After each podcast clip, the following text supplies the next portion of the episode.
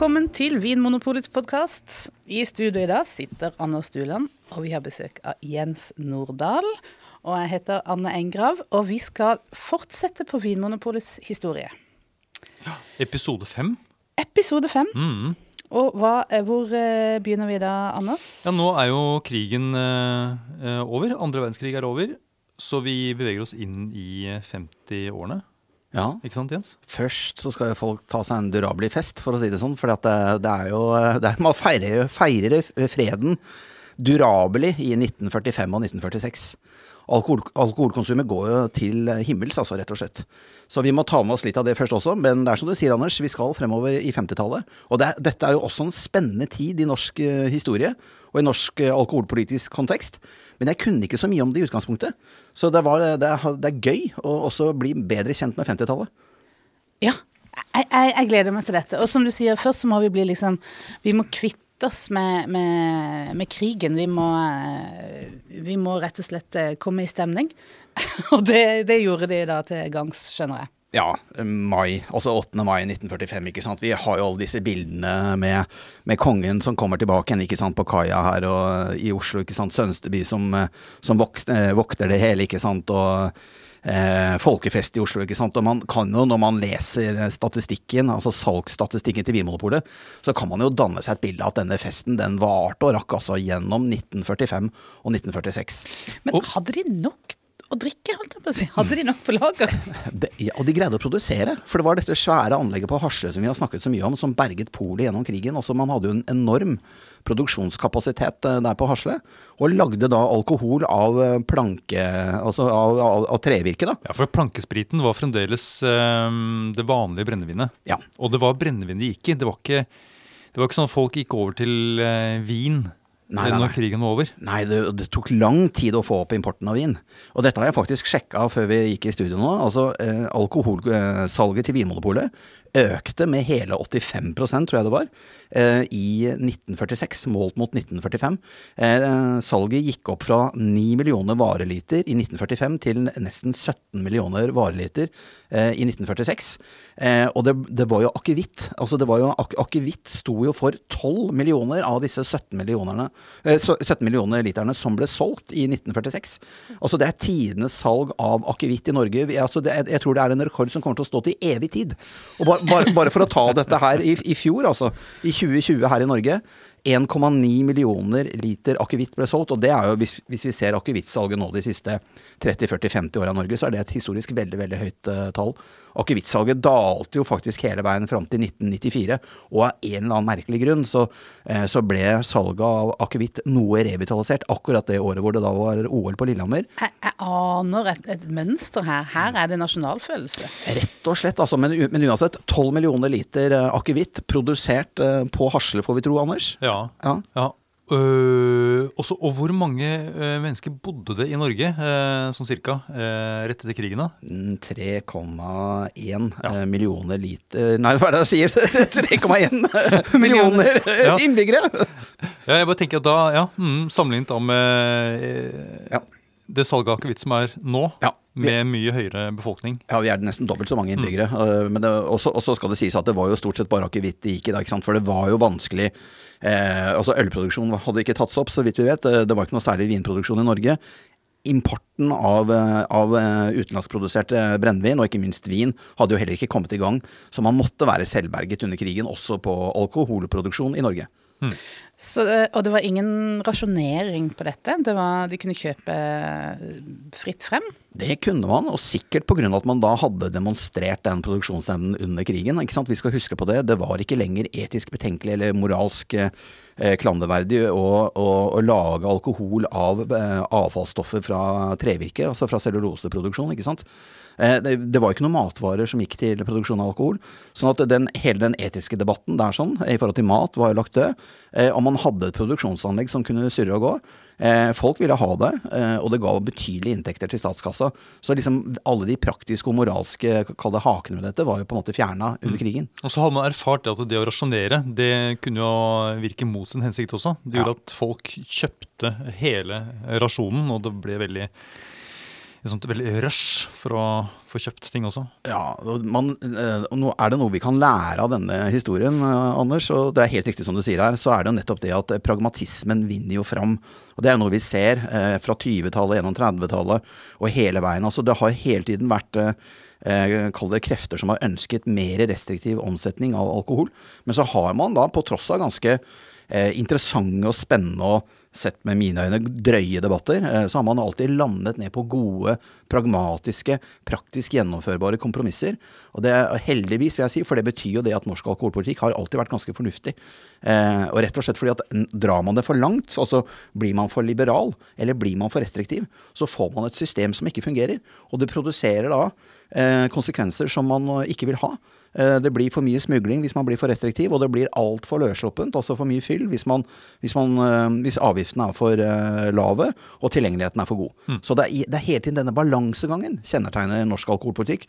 Og det skal vi se tydelig i denne episoden her, sånn, hvordan da denne pragmatiske balansekunsten, hvordan den på en måte finpusses eh, utover 50-tallet. Men beskriv Norge litt nå, da. fordi nå vi vet at brennevinsalget går veldig opp, uh, så det, det drikkes mer. Men hva annet er det som skjer? I det norske samfunn. Ja, er, ja skal vi kjøre på her? Ja. ja. Eh, vi, vi, får jo tidenes største barnekull da, ikke sant. Altså 1946. Det er det eneste året i norsk historie hvor det har blitt født mer enn 70 000 barn i løpet av ett år.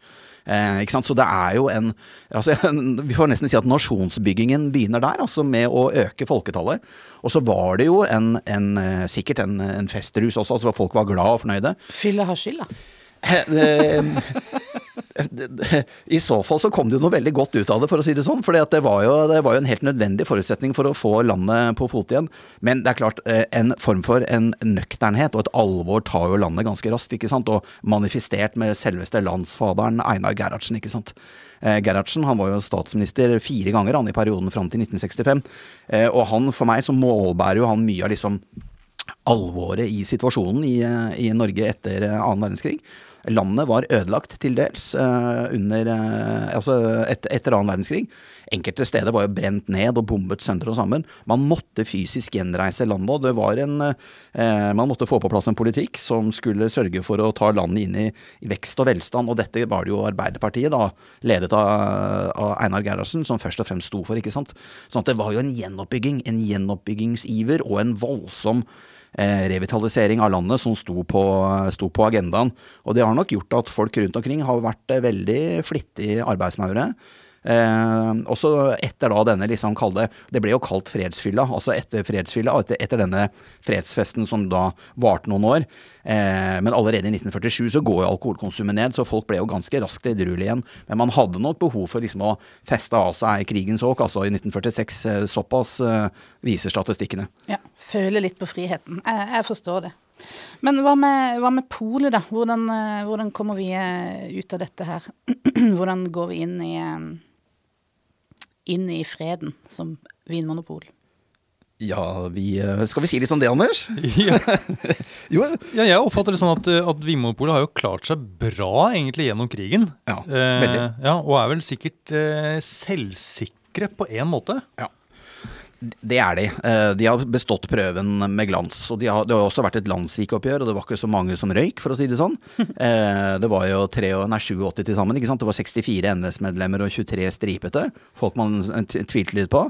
Eh, selskapet har mange ansatte. Som du sier, man har gode produksjonsanlegg, man har bestått prøven. Eh, og så kommer da denne juristen, Gunnar Lindemann, eh, som har helt re rene hender. Han kommer inn, og så blir han administrerende direktør da fra 1945. Og han har jo da jobbet i Polet allerede en god stund siden han var ung, ikke sant? Ja, han ja. har lang fartstid og vet hva dette går i. Han har vært, eh, jobbet tett på ledelsen hele veien. Eh, og er durkdreven og er en mann helt uten eh, ripe i lakken, altså. Ja. ja. En, hvem er den her? Gunnar Lindemann uten en ripe i lakken i 1945? jeg har klødd, klødd, meg litt i hodet. Og vi har, å, jeg, vi har, prøvd å, finne mer ut hvem uh, han er. Altså, han sitter jo som administrerende direktør helt fram til 1969. Uh, han er en, for meg foreløpig en litt gåtefull person. Eh, han eh, er jo da faktisk eh, AD i polet i nesten et kvart århundre. Ja, Det er lenge. Det er lenge. Hvis du googler han, så finner Er, du er, ikke det, er det rekord? Det må være polrekord. Ja. Jeg, jeg, og det slår meg nå altså når vi sitter og prater om det, at eh, jeg eh, vet jo ikke hvordan han så ut. Jeg har ikke sett bilde av ham. eh, og vi har jo heller ikke vi har jo ikke sånne innrammede bilder av eh, forhenværende eh, admdirer på, på veggene her på, på kontoret. Nei, vi har ikke det. Kanskje vi skulle hatt det? Ja, på rektors kontor. Eller blir det litt for voldsomt? Eh, Det blir, det blir noe litt sånn offisiøst over det, eller det blir- noe litt sånn tungt, kanskje. Ja. Vi, er jo, vi liker jo å se på oss selv som folkelige og litt sånn eh, tilpasningsdyktige. Men nei, også historie må vi jo løfte frem, for det er mye å lære av den, da. Eh, men denne Lindemann, han er en gåtefull figur, altså. Eh, og han trer jo fram gjennom veldig mye av det Polet gjør gjennom 50- og 60-tallet. Og jeg har begynt å pirke litt i dette, og jeg liker jo veldig godt den personen jeg ser. Men jeg ser, jeg ser han gjennom liksom en del sånne pragmatiske vurderinger. Eh, en, del, eh, en del litt sånn snusfornuftige, men veldig rasjonelle eh, uttalelser og standpunkt. Og han har nok vært en veldig sånn klok fyr, altså en veldig sånn pragmatisk klok fyr, som nok ikke har trådt noe feil. Han fremstår ikke som karismatisk, på ingen måte. Og det som også er et paradoks her, er at han i 1969, da går han jo av som AD.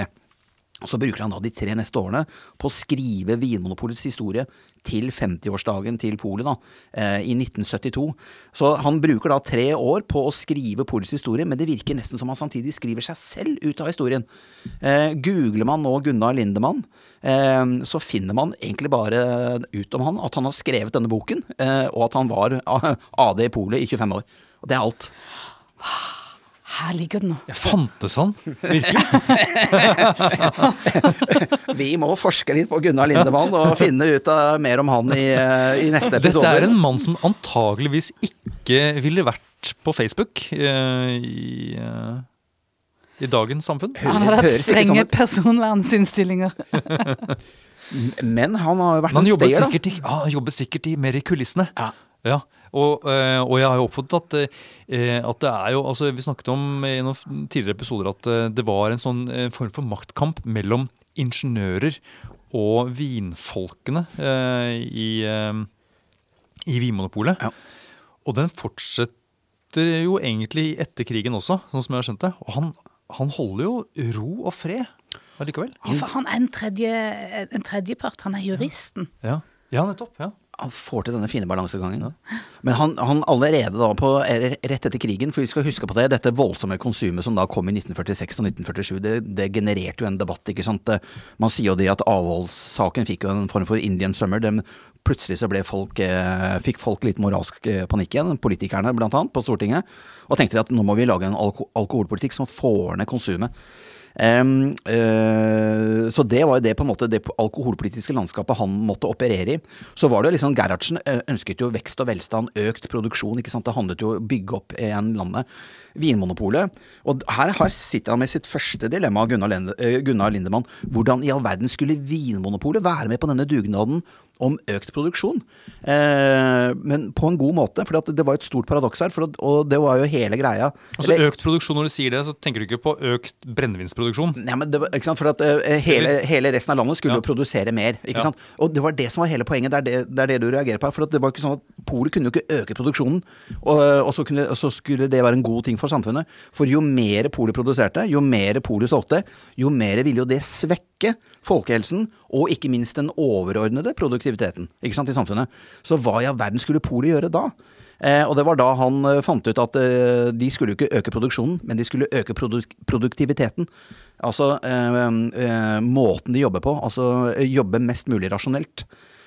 Så det Gunnar Lindemann institusjonaliserte her, var jo et prinsipp om at de skulle eh, få bedre arbeidsmetoder, lage bedre planer, ha bedre maskiner, slik at produktiviteten, altså lønnsomheten til selskapet, økte. Eh, men da kunne man jo samtidig da produsere mindre varemengde. Og på den måten kunne også Polet være med denne store nasjonale dugnaden, som, som jo handlet om gjenoppbygging av landet. Og, og jeg husker jo at uh, du fortalte i, eh, i disse episodene om krigen at det var blitt veldig mye byråkratisering også. At man hadde ansatt mange bare for å, åpne brev og, og telle eh, rasjoneringskort. Så det, det var sikkert en opprydnings...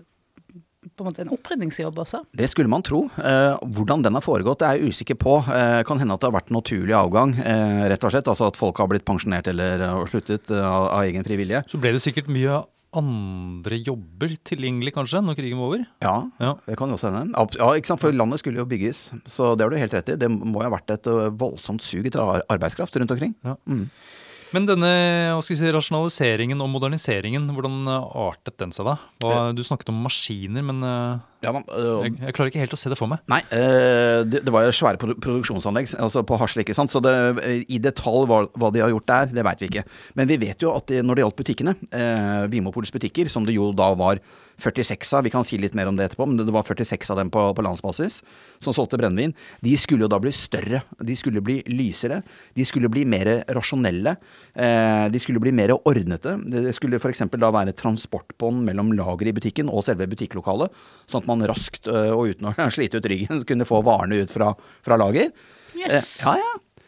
Det Eh. Det er fiffig, det, fordi sånt finnes jo ikke lenger i, i, butikkene. Nei, Nei?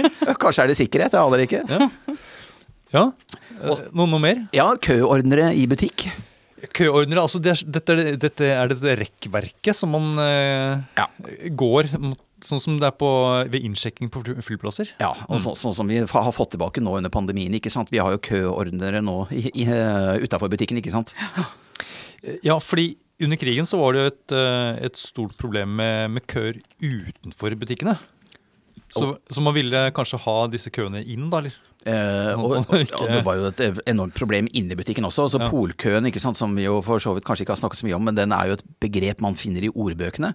Eh, og vi sa jo litt sånn på fleip rundt år 2000 at eh, når selvbetjeningen kom, så skulle polkøen da bli et ord som framtidige generasjoner av nordmenn ikke skulle forstå. Men altså polkøen, det å stå i kø utenfor polet, eller inne i polet, eh, når man skulle da handle til jul, det var jo noe som folk brukte timevis på eh, tidligere. Og selv, altså, selv rundt år 2000, før vi fikk selvbetjening på ordentlig i Norge, Eh, og, da, og dette leste jeg avisreportasjer om, og i Tønsberg f.eks. Der kunne julehandelen, altså dette er bare 20 år siden, eh, der kunne julehandelen ta to-tre timer, for det var så lang kø.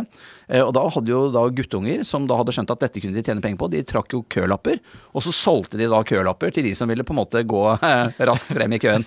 Vet du, Det husker jeg selv når jeg jobba i Klingenberggata. At, eh, det noen, at det var noen gutter som holdt på og uh, solgte kølapper.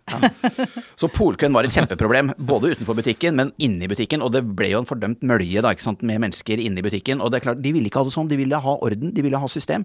Og bare det da å lage et køsystem inne i butikken, sånn at køen kunne snirkle seg gjennom lokalet fram til disken, for det var jo selvfølgelig da diskpol overalt.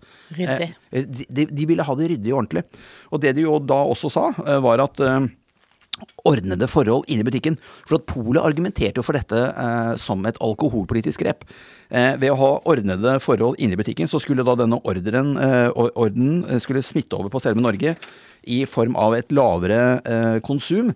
Eh, og en fyr her som heter Henry Jordan, sjef for butikkavdelingen, han sa jo det at en gjennomført orden, vakre og hensiktsmessige lokaler og en rask og grei ekspedering vil neppe ha noen nedbrytende effekt.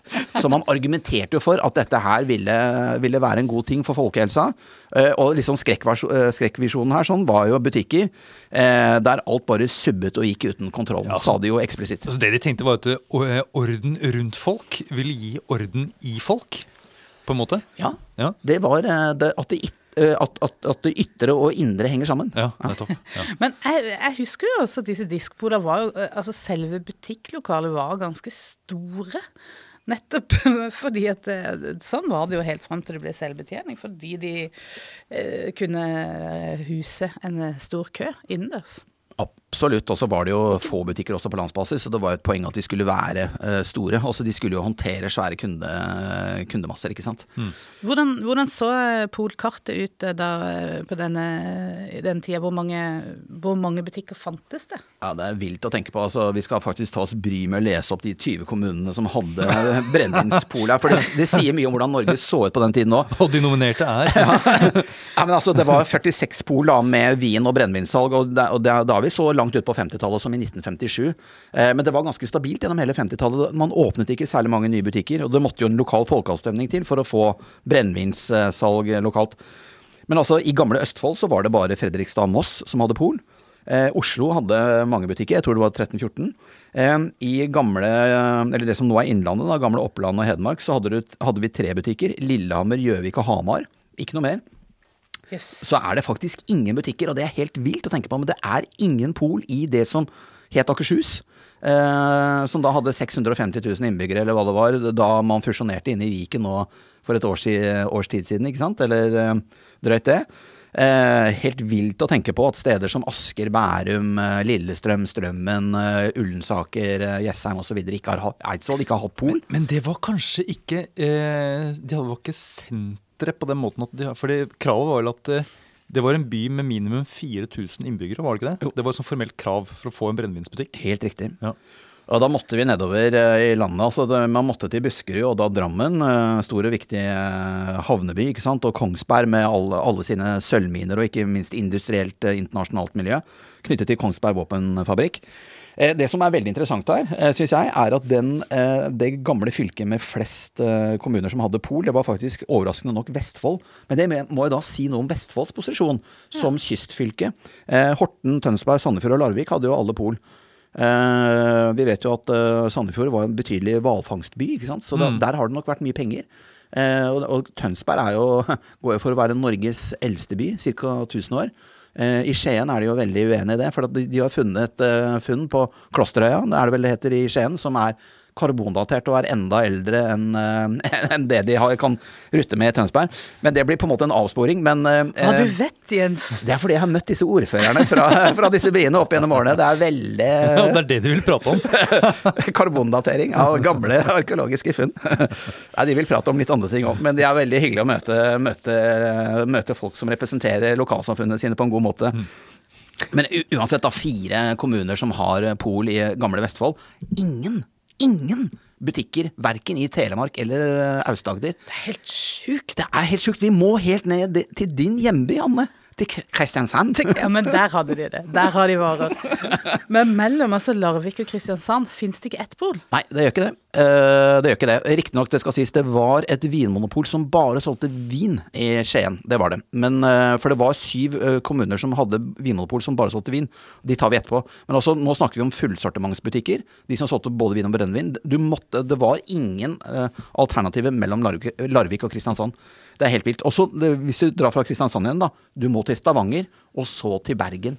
Det vil si at du hadde kun én kommune i gamle Rogaland. Eh, og så hadde du da Bergen i Hordaland, og det var ikke noe mer igjen før du da kom til eh, Trondheim. Så Så mellom si, Bergen og Trondheim er det ikke pol.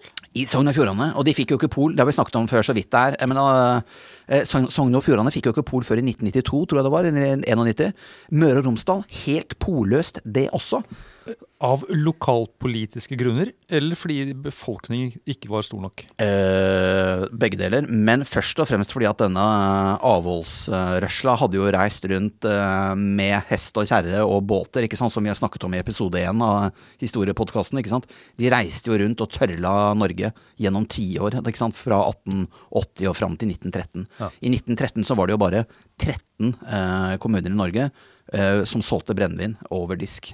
Altså, eller ja, gjennom kommunale samlag, da. ikke sant. Forløperen til polet. Og nord for Trondheim, hvor mange pol finnes det der? Ja, det er jo da noen kommuner, da. Eh, Men altså, man må jo da sette seg på toget. Eller hadde man satt seg på toget, så måtte man da reist ti timer. Det tar fortsatt ti timer med tog til Bodø. Du må, altså, jeg, var i militæret i Bodø, og jeg reiste den der togturen der ofte. Det er langt, altså.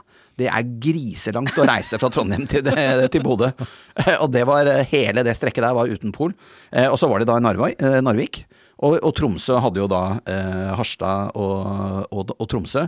Finnmark polløst, og vi har jo her glemt Nord-Trøndelag i farten, men ikke et eneste pol i Nord-Trøndelag. Så dette er situasjonen. Vi er i en ganske annen tid, altså. Men, kan, men, eh, men hvis du da bor i Nord-Trøndelag f.eks., Ja. og har lyst på en flaske med akevitt, mm eh, er slaget tapt? Eller kan du, eh, kan du se, be om å få det sendt med post? Det var det man kunne. Man Ja. kunne bestille. Altså det var, det var mulighet for å bestille. Ja, det, og det tror jeg vi eh, så vidt var innom i eh, forrige episode, eller for noen episoder siden, at det var vel et bestillingskontor i Trondheim som håndterte ca. 5000 bestillingsordre daglig. Ja. Det stemmer, ja. Som man kunne bestille og få det utlevert. Og det lå jo der som Og det var grunnen til at Frankrike faktisk aksepterte at Vinmonopolet eh, ble etablert. At norske myndigheter sa at greit, vi skal altså Da er jeg tilbake nå i 1922, ikke sant. Men altså, i 1922 så var det sånn at hvis Norge skulle få lov til å eksportere klippfisken, eh, så måtte vi ta på oss og kjøpe vin fra, fra Frankrike. Spania. ikke- og Spania og Portugal. Hvis ikke så sa disse vinproduserende landene at vi, vi er ikke interessert i å kjøpe fisken deres lenger. Og da, liksom, eh, og da, da måtte dette bli ordnet av staten. eh, Og så var det jo veldig veldig få steder i landet som da hadde lovlig salg av vin og brennevin. ikke sant? Men ehm, eh, det, var den, det var denne eh, muligheten for privat bestilling som gjorde at eh, disse vinproduserende og eksporterende landene godtok vinmonopolordningen. Det at privatpersoner kunne bestille eh, og få det utlevert eh, landet rundt. Ja. Det har vært ganske mye brennevin som ble sendt rundt med, med posten. Ja, mye, mye, mye flaskepost. det kan vi være enige om.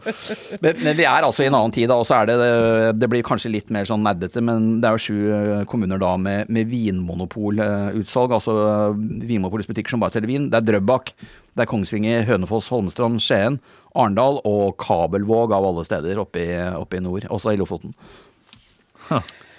Jøsses. Ja, da skjønner jeg jo at de har jo virkelig fått effektivisert dette salget. Du får en salgstopp, og de klarer å betjene den med så få utsalgssteder og med en eh, postlevering. Det er jo bra jobba, da, Lindemann. Ja, Lindemann har vært flink, eh, helt klart. Og de har jo hatt orden på logistikken her. Så dette er kanskje et eh, sånn eh, logistisk gull, gullstandard av, noe slag. De er i hvert fall gode på logistikk, altså både når det gjelder varer ut i butikk og ikke minst varer ut i post. Mm. Ja. Det er jo tusenvis av liter som har gått ut daglig, ikke sant. Ja, for det mesteparten av brennevinet blir, solgt, blir produsert ett sted i Norge, Hasle. på Hasle. Ja. Så det er der det kommer fra. ja, det er der det kommer fra. La oss Eh, ta litt mer om denne avholdssaken. For, eh, for det ble jo da et stridsspørsmål, eh, har jeg skjønt. Den, den blomstrer opp igjen. Ja, det er klart den gjør det, ikke sant. Eh, Salget gikk jo opp da, for å korrigere meg selv fra i sted her, men altså det gikk jo opp med 82% ikke sant, fra 1945, så det eksploderte jo da i 1946, ikke sant. Folk ble jo stressa, ikke sant. Det er klart Gerhardsen og de andre ble stressa, og det skjønner vi veldig godt. Her skal de bygge opp landet, og du kan ikke ha en befolkning som går på fylla.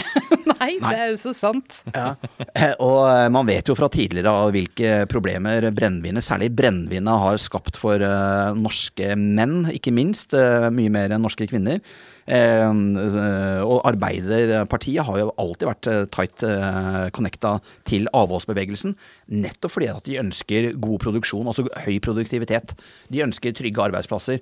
de ønsker vekst og velstand, og ikke på en måte dårlig svekket folkehelse og liksom fyll og fanteri. For det, det går jo nedenom og hjem om, om man drikker for mye. Det vet vi jo godt alle sammen.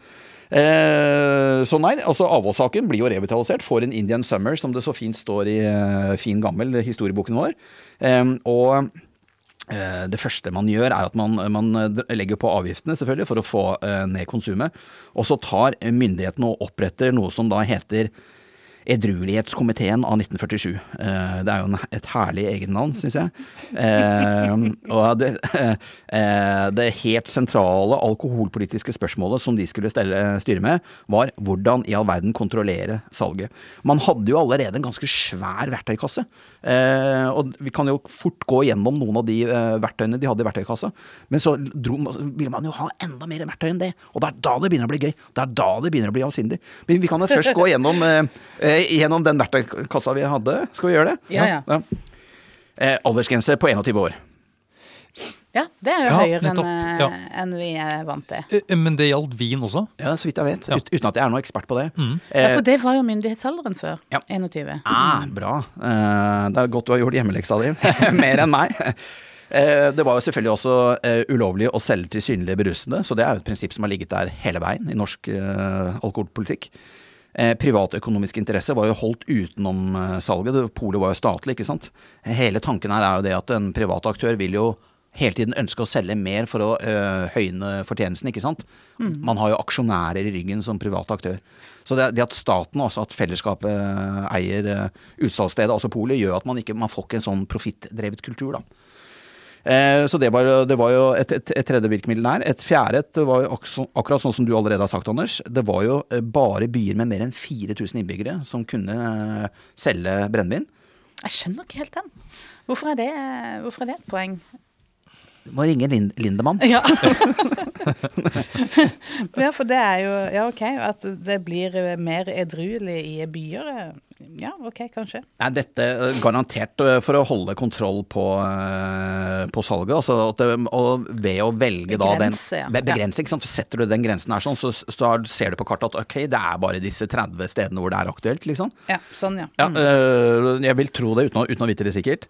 Brennevinspol kunne bare opprettes etter lokale folkeavstemninger. Så her var, her var det ikke voteringer i bystyre eller kommunestyre eller herredsstyret eller hva det måtte hete. Her måtte det lokale referendum eller folkeavstemninger til. Veldig interessant.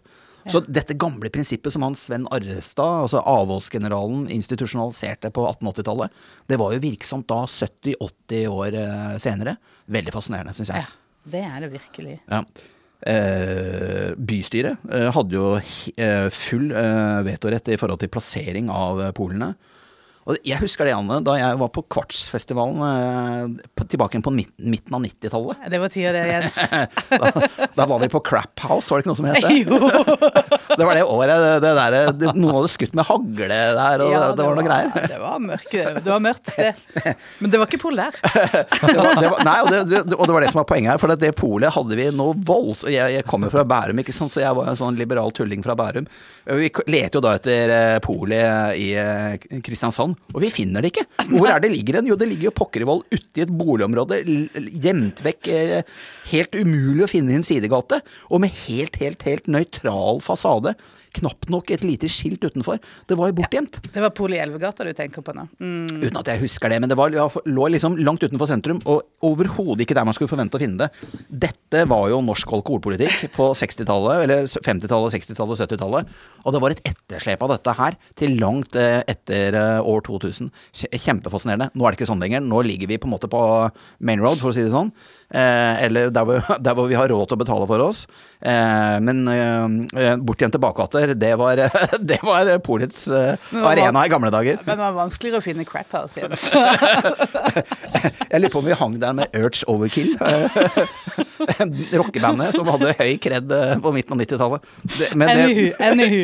vi får la det ligge. Vel, vel. Um, eh, nei, nå ble jeg helt avspora her. Men um, Edruelighetskomiteen. Ja, ja, ja. La oss komme tilbake til det. Men åpningstider, har det endret seg mye siden den gang? det har jo vært veldig regulert, det òg. avgifter var veldig høyt avgiftsnivå. ikke sant? Og alt dette er jo eh, verktøy de hadde i kassa si da. Så, men uh, jeg vet, vet du noe om det, Anders? Altså, Var det kortere åpningstid i gamle dager? Jo, det var det jo. Det var jo, det var jo det. Ja, På lørdager, ikke minst. Det var, Man stengte jo tolv og ett etter hvert. Ja, og det var vel kommunalt bestemt? Ja. Eh, rammene for dette her, for nå, nå henter jeg det fram for hukommelsen her. Eh, jeg, I 1997 så ble jo lørdagsåpningstiden på polet endret fra klokken 13 til 15. Mm. Eh, så det, eh, og så var det vel eh, sikkert eh, ikke lenger åpent enn til 12 på, tidligere enn det, altså. Uten at jeg helt greier å pinpointe det. Så, så åpningstidene har nok garantert vært eh, strengere på, på 50-tallet enn det de er i dag. De er jo fortsatt ganske regulert i forhold til eh, ølsalg. For vår del, ja. Uansett, da. eh, På tross av alle, denne, alle disse verktøyene som ligger i den, alkoholpolitiske verktøykassa, så eh, diskuterer man jo på ramme alvor om man ikke skal kontrollere, sal, eh, kontrollere salg av alkohol enda mer. Særlig da brennevin, ikke sant. Og det man sto her og på en måte holdt opp mot hverandre som to alternativer, det var enten det svenske motboksystemet eller det norske svartelistesystemet. Og motboksystemet, bare for å ta det, da kontrollerer man jo kjøperne av brennevin. Eh, da alle de som skal kjøpe brennevin, eller vil kjøpe brennevin, får et sertifikat, nærmest. En bok, en tillatelse. Vi må si mer om motboksystemet ganske snart, for det er i mitt, mitt hode det er ganske vilt. altså. Eh, og det norske systemet, svartelista, det var mye mer passivt. Men da hadde man bare et system eller et register over de som ikke skulle kjøpe eh, brennevin. De som ikke fikk lov til å kjøpe brennevin fordi de ikke var skikket til å gjøre det. Ja, vi, vi må nesten snakke litt mer da, om hva både motboksystemet er og svartelistesystemet. I, i aller høyeste grad, for det er jo Men, og det, men ja. Dette eksisterte da også under krigen, ikke sant? Ja. Svart, Svartelista var jo um, En arv, nærmest, fra Ja, svartelista kom, kom vel eh, på slutten av 20-tallet, begynnelsen av 30-tallet, tror jeg. eh, Som følge av at Vinmonopolet etter denne korrupsjonssaken, dystesaken, som vi har snakket om for noen ep episoder siden, eh, da var man jo på, på desperat let etter en identitet. Og dessuten så var det jo brennevinsforbudet som da ble opphevet på, i 1927. Man var jo veldig redd for at avholdsrørsla liksom skulle våkne veldig til liv, ikke sant, og at skulle ha fingrene langt inn i, langt inn i Vinmonopolets drift. Eh, så da skjønte jo Vinmonopolet at det var veldig lurt da, eh, å ha kontroll på dette her, og det var da man eh, allerede på 20-tallet, begynnelsen av 30-tallet, da ikke ønsket dette svenske motboksystemet, fordi det, det blir masse byråkrati og masse styr og stokk. Eh, og man da heller eh, nøyde, seg, nøyde seg, for å si det sånn, med svarteboksystemet. Som jo da handler eh, bare om å registrere de som ikke skal kjøpe. Og hvem var det, da? Hva var det du måtte gjøre for å måtte komme på denne lista? Ja, det var jo de som eh, Som da eh, på en måte var eh, had, hadde gått for hardt på fylla. Altså at det var en eller annen ordenssak på deg. Altså at du hadde sovet over i, eh, i kasjotten, da, eller at du hadde At det var noe voldssak, Ja, at du ikke hadde fast bopel og den type ting. da. Ja. Det var eh, løsgjenger, eh, ikke sant. At du var løsgjenger, da.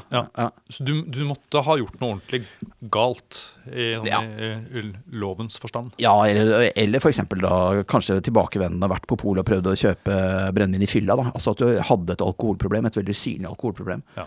For dette var jo, altså havna du på, du kunne havne på eh, svartelista enten ved at politiet på en måte meldte deg inn til, eh, til eh, polet, eller at polet selv, altså polets ansatte selv, eh, så at du var, hadde et problem.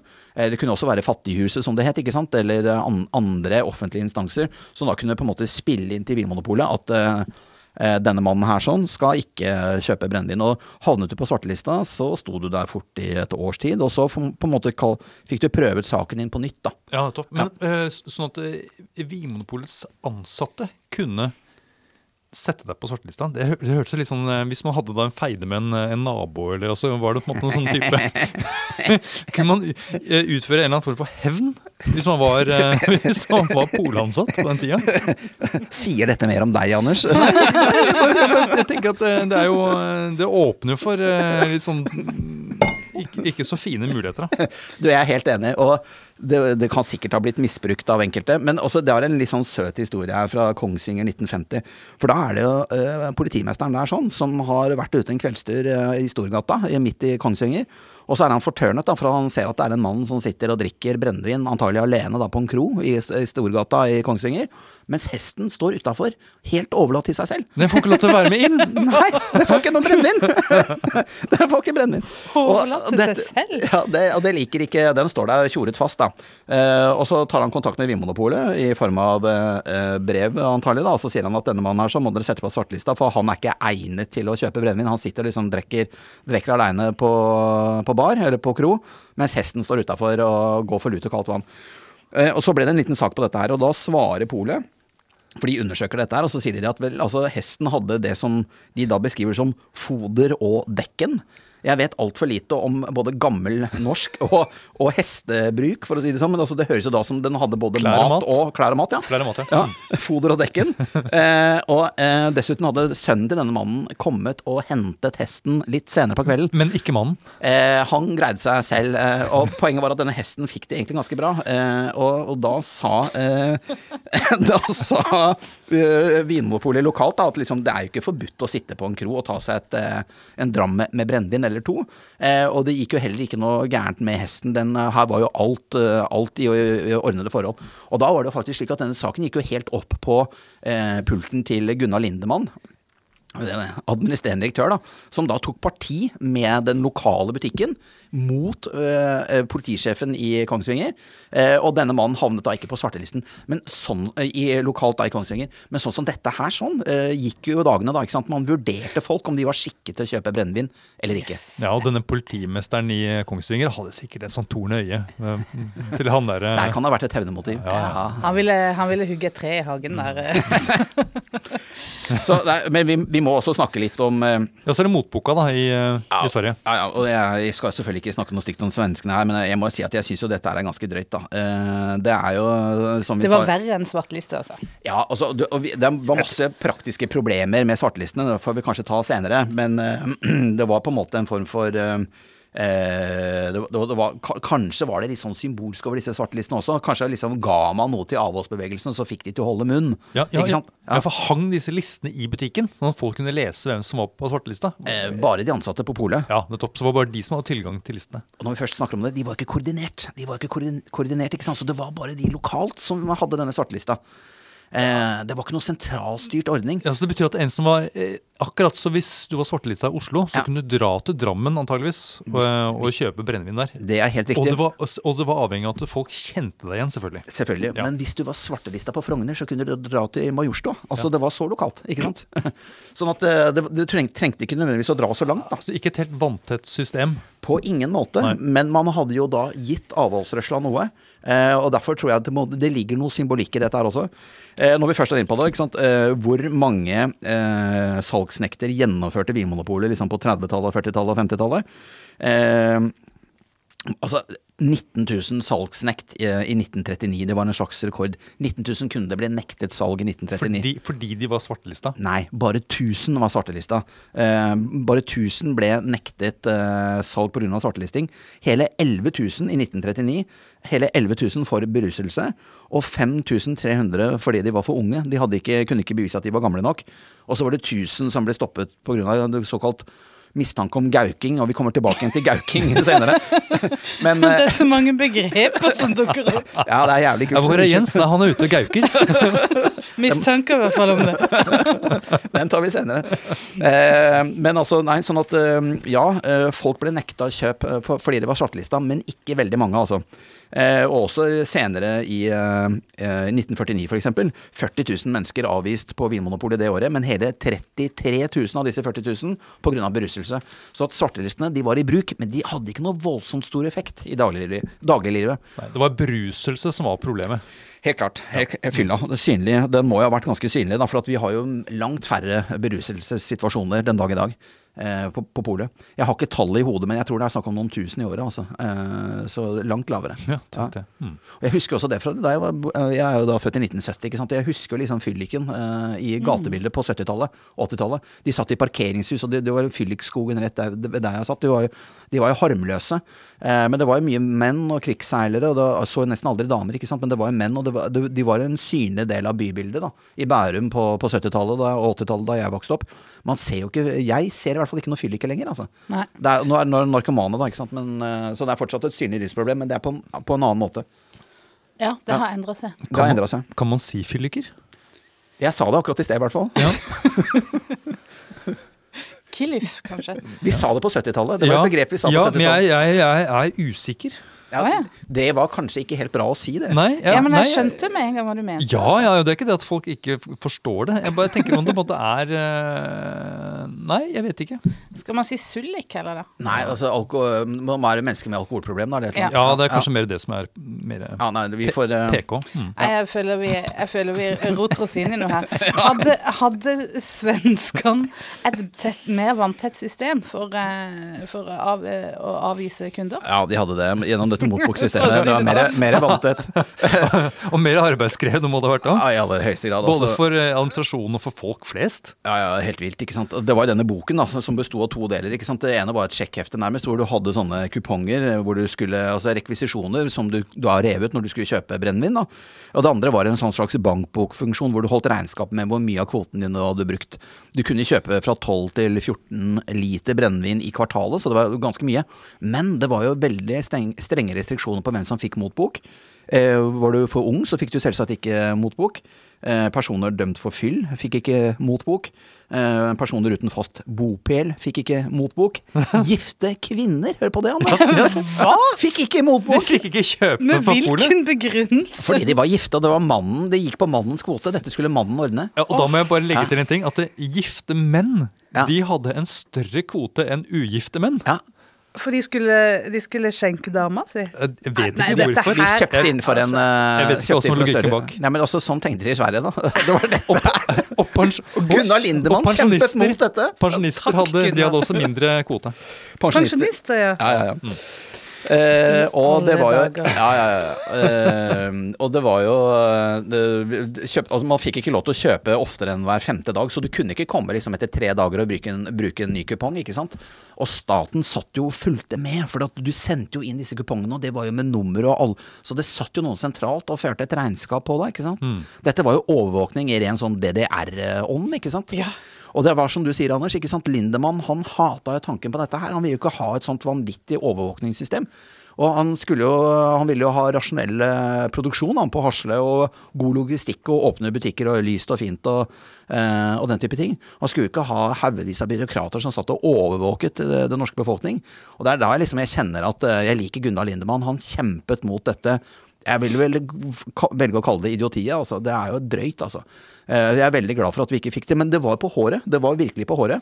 Også et annet argument de hadde, var jo Ja. det at eh, svenskene hadde jo et forbruk som var tre ganger så stort Ja. Som nordmenn. Og det var- Til tross for at de hadde Ja. dette sinnrike systemet. da. Ja, det var det. Og, ikke sant? og det var Så det funka ikke. Nei, det var det. For det var dit man kom etter hvert for denne edruelighetskommisjonen av 1947, eh, som da ble etablert i 1947. Den eh, virket jo og rakk over en mange år, men det var først i 1955 at den la frem en pakke med tiltak som den eh, ville at man skulle institusjonalisere for å få orden på alkoholproblemene. Og akkurat som du, altså Men tiden hadde jo løpt fra denne edruelighetskomiteen. For det første så hadde alkoholkonsumet gått ned. Eh, også alkoholsalget i Norge hadde gått ned. For det andre hadde drukkenskapsforseelsene gått ned. Eh, for det tredje så visste man jo det at i Sverige så funka ikke motboksystemet. Eh, konsumet der lå jo, som du sier, Anders, tre ganger høyere enn i Norge, ikke sant. Så det var mange da som skjønte Det er vel de gifte mennene, tenker jeg. De som ikke burde fått motboka si. Kanskje det lå noe der. Men, Ja. men man mente da at eh, denne motboka var en at makskvoten på en måte ble normalkvoten. At folk hele tiden ville makse eh, det de, a- a- altså det de mulig kunne kjøpe. Så man trodde det at et friere marked de ville ikke på en måte trigge folk tvangsmessig til å kjøpe full rasjon. da. Eh, for det, det er mye psykologi i dette her også. Eh, Man skulle ikke la kvoten fryse inne. Fryse inne, Ja. Ja. sa man i Sverige. Akkurat. Så du måtte bruke det litt som taxfree-kvoten. Ja, og, Ja. og dessuten, det var jo også dette med gauking, da, for det er det her det kommer, ikke sant. Altså, øh, Vinmonopolet med Gunnar Lindemann i spissen ville jo verken ha noe ordresystem, eh, for det diskuterte man også. Et ordresystem ville jo da være enda drøyere enn motbok igjen, for da Hva er ordresystem? Nei, altså, så vidt jeg har forstått, uten at, øh, uten, å, uten at jeg egentlig har forstått det fullt ut, men da måtte alle Altså, en motboksystem, da kan du jo gå i en butikk og kjøpe det du vil, når du vil. Eller altså, du kan jo kjøpe når du vil, eh, innenfor kvoten. Eh, et ordresystem, da måtte du bestille i forkant. Og da ble jo alt mye mer planlagt, og da skulle du da få det utlevert eh, enkelte, steder. Og da vil jo staten sitte og ha enda større kontroll på hva du, Anne Engrav, eh, bestilte, ikke sant? Sånn at det er jo eh, et ordresystem som da eh, nesten et flertall i denne edruelighetskomiteen ville ha, eh, var jo diskutert i eh, full seriøsitet eh, i Norge. Så det, det var jo det, var, det var dette som var den alkohol, alkoholpolitiske debatten på, på 50-tallet, og som Gunnar Lindemann kjempet mot med nebb og klør. Eh, edruelighetskomiteen besto av 15 medlemmer. Eh, syv av disse medlemmene ville ha en, en, eh, et motboksystem etter finsk modell. Finsk modell var nesten som det svenske, bare at det da ikke var noe innkjøpstak. Så da kunne du på en måte kjøpe hvor mye du, eller lite du ville per gang. Og da, da skulle man på en måte ta vekk denne psykologiske triggeren for å makse kvoten hver gang. da Den finske motboken. som da var eh, noe mer pragmatisk enn den svenske. Eh, seks av kommisjonens medlemmer ville ha et, dette ordresystemet, som da er enda mer radikalt ikke sant, enn en, eh, motboksystemet.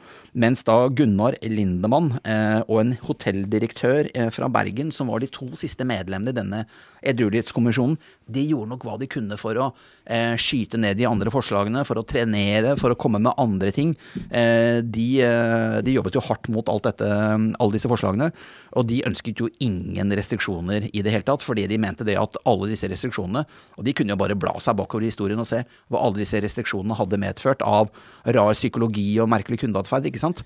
Panikk og store innkjøp. De visste jo det at, eller de mente jo det, og jeg er, heier på dem altså. Eh, Strenge restriksjoner produserer uintenderte effekter. Men eh, det var altså da 15 medlemmer i denne edruelighetskomiteen. Vet du eh, hvem de andre var, eller hvor de kom fra? Nei, jeg gjør, ikke det detaljert, men eh, det må ha vært mye avholdsfolk. Og i hvert fall da saken skulle opp eh, eh, I debatt i Stortinget så var det jo mange restriktive krefter som eh, Altså Kristelig Folkeparti-politikere fra, fra Vestlandet osv. som jo eh, ville at mange av disse restriktive ideene skulle på en måte få flertall. Men det ble ikke sånn. Eh, heldigvis, får vi nesten si.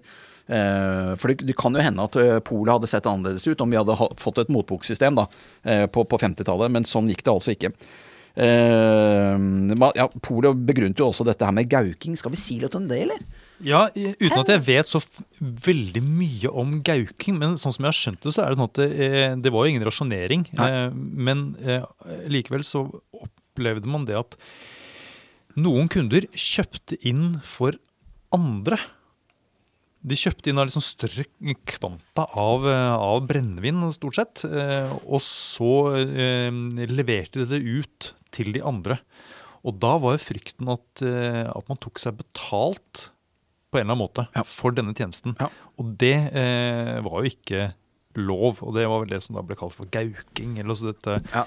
Ikke nødvendigvis det å ta seg betalt, men det også det kjøpe for andre i liksom, sånn. nesten sånn organisert form, egentlig. Litt sånn uoversiktlig organisert uh, form for innkjøp av store mengder uh, Langheng? Ja, ja, en form for begynner, å nærme seg langhenga. ja. Ja, fordi eh, som vi var inne på, at det var jo mye nektelse av salg pga. beruselse. Og når da folk liksom kjøpte på vegne av andre, så Ja. mistet jo Vinmonopolet den sosiale kontrollen. Der tror jeg du er inne på noe Og veldig det, viktig. ja, og det var jo et, eh, var et problem. Det er veldig godt sett og tenkt. Altså, helt enig, det må ha ligget noe der. Så gauking var eh, noe man ville forhindre, og man mente da, Vinmonopolet mente da at eh, eh, om man institusjonaliserte mer restriksjoner på uh, salg av alkohol, så ville det medføre gauking. Men gauking, altså hva ligger det i det ordet? De, de Jeg det. tenker roping, men nei, det, Det er gjøk. Gjøk? Ja. Ja, for den legger jo eh, egg hos andre, ikke sant. De Ja. hemmelige Så det, det, Og er noe gauken, ja, som Ja, legger egg. som, det er på en måte, ja, som blir da på en måte en sånn eh, butikk i butikken, nesten. Ja. Det er noen sånn hemmelige greier. ikke sant? Du har ikke helt oversikten lenger. Du veit ikke helt hva som foregår. Og så er det også noe med at du skulle ut i terrenget. ikke sant? For gjøken er jo i skogen. altså det var også, Man er litt usikker på liksom hvor, det, hvor dette begrepet kommer fra, men det var noe sånn liksom ut i terrenget, og det ble noe litt sånn uoversiktlig over det. Mat, mater feil person? Ja. Jeg vet ikke. Ja, ja. Gauking. I hvert fall et, et, et problem da. Eh, Kreativt. Ja, ja. Um, og denne Gunnar Lindemann, da, vi har et sitat her. altså det er, Vi finner jo spor av Gunnar Lindemann ikke sant, gjennom, gjennom handlingene hans og ting han har sagt. da. Men eh, han sier her kort og presist, Gunnar Lindemann, fremfor restriksjoner trengs moralsk gjenreisning. Åh, Gunnar. Han står der som en bauta. Det er jo, det er jo Han litt flott, ser ting klart. Han er en jurist som er, uttrykker seg matematisk presist, rasjonelt, økonomisk. Rett bra sak. En mann kanskje uten de store følelsene, i hvert fall. eh, i hvert fall men men en, en enorm presisjon. Og akkurat en sånn fyr som Polet trenger. Styrer i- altså Tenk deg å styre denne polskuta gjennom dette minelagte farvannet. da. Det er Ganske krevende oppgave, altså. Ja. Når, når folk vil innføre motboksystem, Ja. ikke sant? Kjære vene, det er, og det er, det er jo panikk i landet. Fordi at uh, salget øker med 82% i 1946, ikke sant?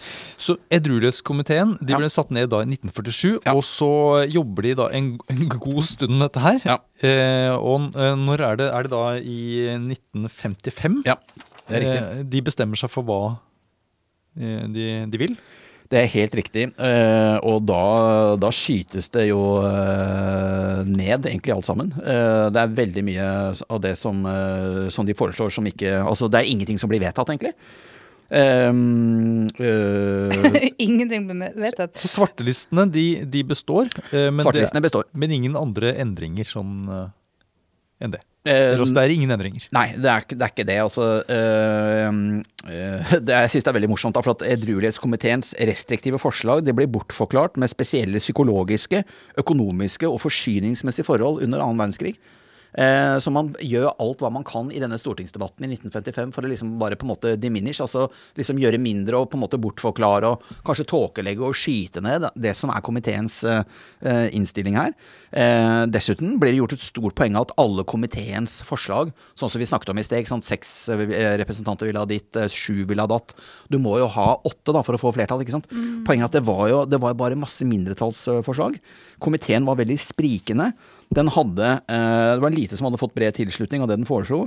Eh, og både eh, forslag da med kjøpekort, altså motboksystem, eller ordresystem, enda strengere.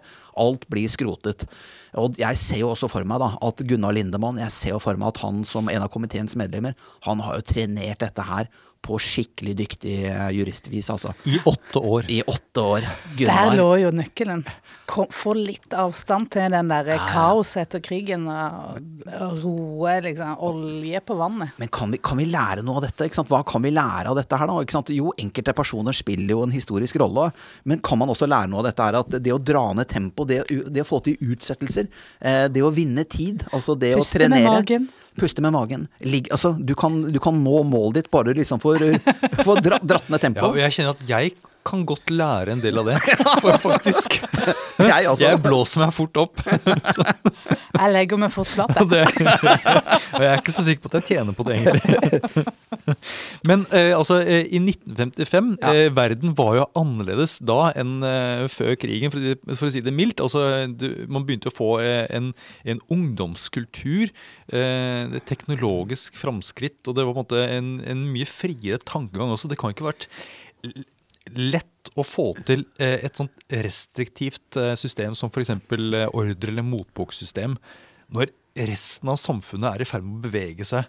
Ja, hjulene Inn var i ferd med å gå fortere. Og... Ja, Det er veldig interessant det du sier der. ikke sant? For 50-årene ligger jo da selvfølgelig foran 60-årene, naturlig nok, men på 60-tallet så får vi den store kulturrevolusjonen. ikke sant? Og alt dette, de gamle normene på en måte slippes jo ned, og det blir jo helt nytt ikke sant? i forhold til kultur og likestilling og måten man lever livene sine på. Eh, det be men det begynner jo da på 50-tallet, ikke sant? Akkurat sånn som du sier, Anders. Det begynner på 50-tallet. Eh, rocken kommer, Elvis kommer. Det er ungdomsopprør i eh, Oslos gater etter at de har sett Rock Around the, the Clock. Der var min far, ved en tilfeldighet. Det var helt vilt. Men var, var han med? Han var ikke med på opprøret? Nei, Han skulle hjem fra et eller annet, og så plutselig så hadde de en politihest i Heland. For de var jo helt ville. De skulle slå ned ungdomsopprøret. Og dette har du trodd på i alle år? Og han var fra Kristiansand, faren din, eller? Ja, ja. Så han var til, tilfeldigvis i Oslo. ja, eller han eh, studerte, da. Og jeg hadde topp, ja. Men at han bare var tilfeldig forbipasserende? Har du virkelig Å, ja. trodd på det i alle år? Og jeg tok det for gitt. Mye kulere hvis han var en del av opprøret. Jeg sto bare og så på, jeg. Nei, men altså, det er, eh, det er, jo, eh, det er jo et Norge, et puritansk og litt sånn pietistisk Norge, ikke sant. Og jeg syns jo det er også veldig interessant å tenke på eh, Agnar Mykle, ikke sant. Sangen om den røde rubin, den var jo ansett for å være altfor drøy, da, sånn seksualmoralsk, ikke sant. Eh, det er jo en hyllest til kvinnen og til litt mer sånn løssluppent liv. Uh, Den ble forbudt. Den ble forbudt. Jeg har lest Det var den. rettssak. Det var rettssak, ja. Ja. Uh, men altså, grunnen til at jeg nevner den nå, det handler jo på en måte om Altså, den Sangen om den røde rubin, ingen hadde på en måte blitt eh, forskrekket over den i dag. Eh, den, eh, det er ingen som seriøst hadde tenkt at den skulle blitt forbudt. Jeg har jo lest den for lenge siden, og den er jo den er godt skrevet. Jeg ble jo aldri fortørnet over å, over å lese den boken her sånn. Og man skjønner det nesten ikke den dag i dag at den skulle på en måte avstedkomme så mye eh, illsint debatt. Altså at folk liksom skulle gå helt eh, eh, fra hengslene og ønsket å forby den boken, som, som pesten selv, altså. Stemmer det at eh, aktoratet leste opp et sånt bevis på hvor drøy den boka var, og så leste de 'Han strøk henne over beverpelsen'? Det veit jeg ikke. Men så egentlig så eh, betydningen var egentlig beverpelsen. Kanskje de ikke har skjønt en dritt. Ja, Ja, det har jeg hørt. Jeg vet, jeg vet ikke om det stemmer. Han strøk henne over bevarpelsen. Det er rart det blir ja, sensur av sånt. Ja, det, det, men det her var det også jurister, da. Ja, da. Men de brukte jussen på en litt ikke så måte. sindige som, som, som Lindemann. Nei, det, er jo, det er jo et Norge her som på en måte Som går inn mot en form for kulturell endring, ikke sant. Og også den kulturelle endringen som Norge var på vei inn i. Et mer liberalt, et avslappet, et mer moderne samfunn. Med høyere grad av likestilling, kanskje noe mer hedonisme, ikke sant. Eh, eh, høyere grad av inntekt, eh, mindre religion, ikke minst. ikke sant? Mindre pietisme, mindre mindre gudfryktighet, for å si det sånn. Eh, det er klart at eh, tidsånden eh, talte jo Vinmonopolets og Gunnar Lindemanns sak, ikke sant. Så det å da få utsatt denne, denne, dette forslaget fra e- edruelighetskomiteen i, i, åtte år, eller hva det er, da, fra 47 til 55, har vært gull verdt for Vinmonopolet. Tidsånden var på polets side. Ja. Ja. Det er altså så mye Jeg er jo så glad Hvis dere skulle ha valgt ett tiår fra det forrige århundret, så langt vi er kommet nå, da. Fra 1900 til 1950, hvilke tiår ville dere helst ha opplevd? Jeg tror jeg ville sagt, Av de vi har vært innom, så tror jeg jeg ville sagt 50-tallet, ja. Ja. Er ikke det mest ålreit, da? Jeg syns det, jeg synes det er mye rock'n'roll på 40-tallet. Det er helt vilt hva som skjer da. Veldig mye spennende psykologi og sosiologi og, og alt mulig rart. Altså politikk og økonomi. Ja, men- jeg, jeg er svak for 20-tallet òg, jeg. Altså. Eh, Nei, jeg Ja. liker 30-tallet. Jeg liker alt, jeg. I, I take them all. Ja, ja. Men det er kanskje flaks at vi må slippe ja. å velge. ja. Skal vi eh, rett og slett ta rett, Det er jo så mye å snakke om av både Altså, vi skal jo videre i dette, men skal vi ta en liten fot i bakken? Ta resten, ta en episode til om Lindemann. Jeg føler vi er ikke ferdig med han. Nei, og kanskje nesten gjøre som i Lindemanns ånd, og rett og slett ikke gå for fort fram. Ja. Jeg syns det. Helt Ja. klart. Vi kjører eh, vi, vi tar resten av 50-tallet i en ny episode. Det gjør vi. Ja. Takk for i dag, dere. Takk for at du hører på Vinmonopolets podkast. Har du forslag til et tema i podkasten? Send mail til podkast at vinmonopolet.no. I tillegg svarer kundesenteret deg på e-post, chat og telefon.